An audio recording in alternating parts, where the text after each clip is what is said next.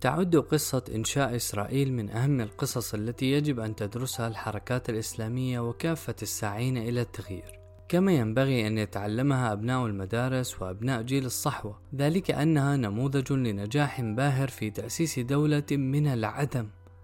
ثم إنها ليست أي دولة بل هي الدولة التي ينعقد على وجودها وفنائها مصير العالم. إنها جوهر الصراع الحضاري العالمي كما يقول دكتور جمال حمدان في استراتيجية الاستعمار والتحرير.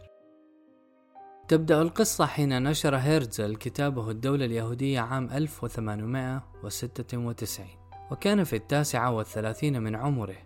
وقد تمتع بصبر وعزيمة وذكاء يثير الإعجاب وإن كرهنا. واستطاع أن يسوق للغرب حلا للمشكلة اليهودية المزمنة بأن يجعلوا منهم قاعدة استعمارية غربية متقدمة في الشرق. في العام التالي كان هرزل يحول كتابه إلى برنامج عمل في اجتماع بازل السويسرية في العام 1897 ويناقش مسائل السياسة والأموال والكوادر البشرية. لم يتوقف رغم فشله مع الدولة العثمانية والألمان ولم يتوقف عمله رغم موته المبكر في العام 1904 وهو في الرابعة والأربعين من عمره فقد ورثه من لا يقل عنه كفاءة ودأبا وذكاء. حييم وايزمان عالم الكيمياء سابقا وزعيم الصهيونية الثاني والأهم على الإطلاق. صرح رئيس الوزراء البريطاني كامبل عام 1907 بضرورة إنشاء كيان غريب في منطقة شرق المتوسط وعلى مقربة من قناة السويس. يكون مواليا للغرب في تلك اللحظة التي اقتنع فيها ساسة بريطانيا بمشروع الدولة اليهودية كان وايزمان في فلسطين يبحث عن أراضي يمكن شراؤها ويؤسس شركة تطوير أراضي فلسطين.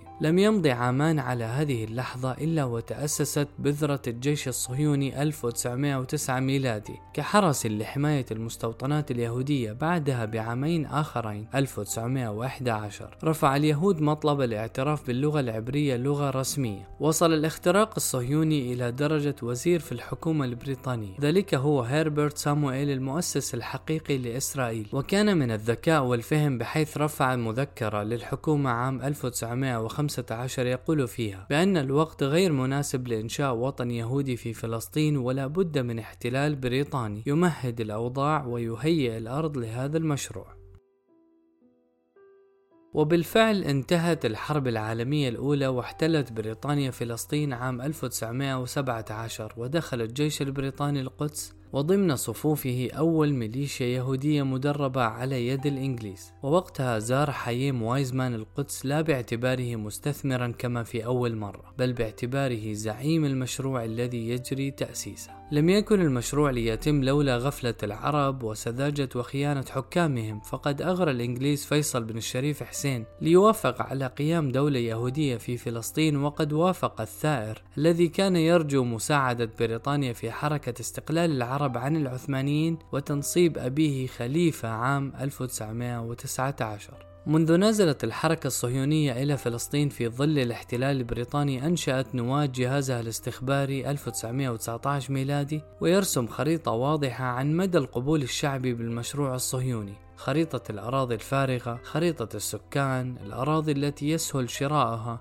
السكان الذين يتوقع منهم المقاومة فصار لها الآن جهاز أمني وجهاز عسكري وبقي الجهاز السياسي حينئذ نصبت بريطانيا الصهيوني هربرت سامويل حاكما بريطانيا على فلسطين في العام 1920 لينفذ بنفسه ما كان قد اقترحه قبل خمس سنوات من تهيئة الأرض عبر البريطانيين لإنشاء الدولة اليهودية. وقد فعل هربرت سامويل ما يجعله مؤسس إسرائيل الحقيقي ذلك أنه بخلاف تدفق الهجرة اليهودية سمح لليهود بالتسلح وبناء جيش منفصل وسمح لهم بنظام تعليمي منفصل وأقر العبرية كلغة رسمية. واستولى لنفسه على كل الأراضي المشاة وما يؤول إلى الحاكم ثم منحه اليهود بخلاف مئة قانون أصدرها تسهل تسريب الأراضي لليهود. وبينما سامويل يقيم الدولة اليهودية في فلسطين يعمل حايم وايزمان على مستوى السياسة مستعينا بآل روتشيلد على مستوى الاقتصاد والتمويل. وهكذا جرى توزيع الأدوار والتغطي بالقوة البريطانية العظمى في وقتها. بعد خمس سنوات في العام 1925 تضاعف عدد اليهود ومستوطناتهم وبدأت تظهر مؤسساتهم وأجهزتهم الإدارية المنفصلة. استقلال ذاتي لتل أبيب نقابة عمال بزعامة بن غوريون احتفال مهيب بإنشاء الجامعة العبرية حضره لويد جورج رئيس الوزراء البريطاني واللنبي الحاكم العسكري البريطاني وبلفور وتشرشل وحاييم وايزمان وهربرت سامويل. تجدر الإشارة إلى أن اليهود استعملوا النداء الديني والخطاب التوراتي بشكل أساسي.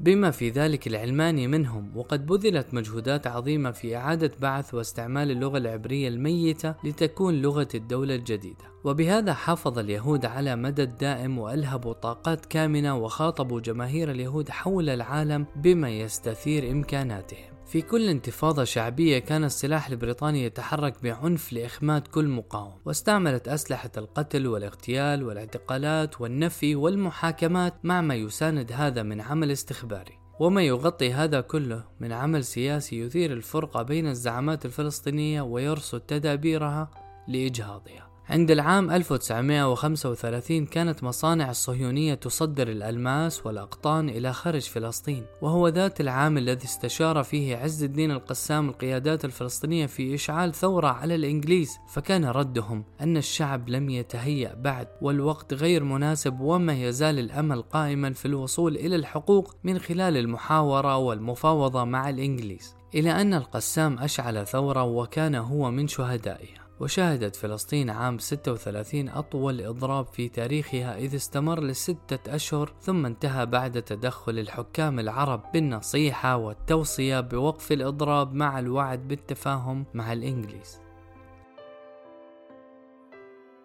في ذلك الوقت كان الوجود الصهيوني قد صار مستقلا عمليا عن الإنجليز ويملك قراره المستقل وكان الجهاز الأمني الإسرائيلي قد تطور ليصير له جهاز تنصت في مكتب الحاج أمين الحسيني وهو بمثابة القائد السياسي للثورة الفلسطينية. كانت تحركات المقاومة الفلسطينية مكشوفة للصهاينة وقوبلت الثورة الفلسطينية المشتعلة بكافة أنواع القمع الإنجليزي وكانت الطريقة المتبعة هي قتل القادة الميدانيين فصل القادة السياسيين عما يجري بالأرض من خلال النفي أو تسهيل الهروب من فلسطين وتجريد الناس من كل أنواع السلاح فمن وجد في بيته ولو بقية رصاصة فارغة نسفوا بيته. وألقت بريطانيا بثقلها لإنهاء الثورة التي استمرت لثلاث سنوات فدفعت بعشرين ألفا من قواتها تحت قيادة أربعة جنرالات كبار ممن شاركوا في الحرب العالمية الأولى. في المقابل كان اليهود يزيدون عددا بالهجرة وعتادا بالإمداد الإنجليزي وخبرة بالتدريب العسكري وبلغوا من الفعالية حد أن أسسوا لمنظمات إسلامية ووطنية تشاغب على المنظمات الإسلامية الوطنية الحقيقية وتثير الفرقة والأزمة. وكان الجهاز الأمني قد تكونت لديه صورة واضحة عن أفراد المنظمات الإسلامية في فلسطين. من منهم يسهل التعامل معه ومن الذي يمكن شراؤه بالمال ومن الذي لا حل له إلا بالتخلص منه. في أثناء الثورة شكلت بريطانيا لجنة لدراسة الوضع كعادتها في تشكيل اللجان بغية تبريد المقاومة ومط فترة المفاوضة.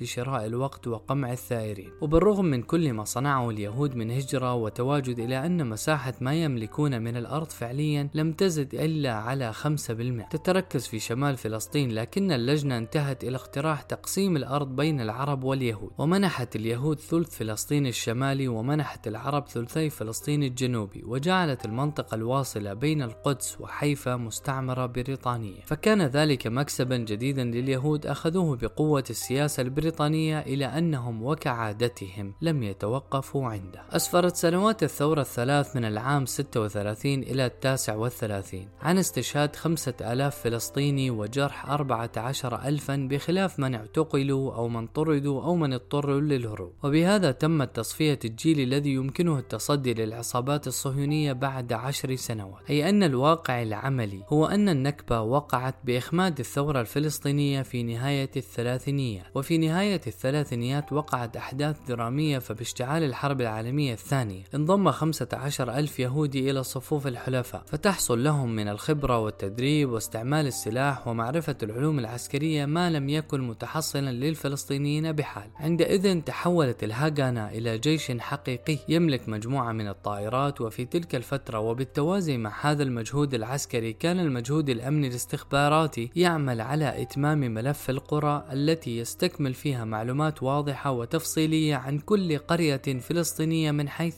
نوعية الأرض، الحالة الاقتصادية للسكان، الميول السياسية ومدى سهولة أو صعوبة احتلال هذه القرية. وللحديث بقية في الحلقة القادمة.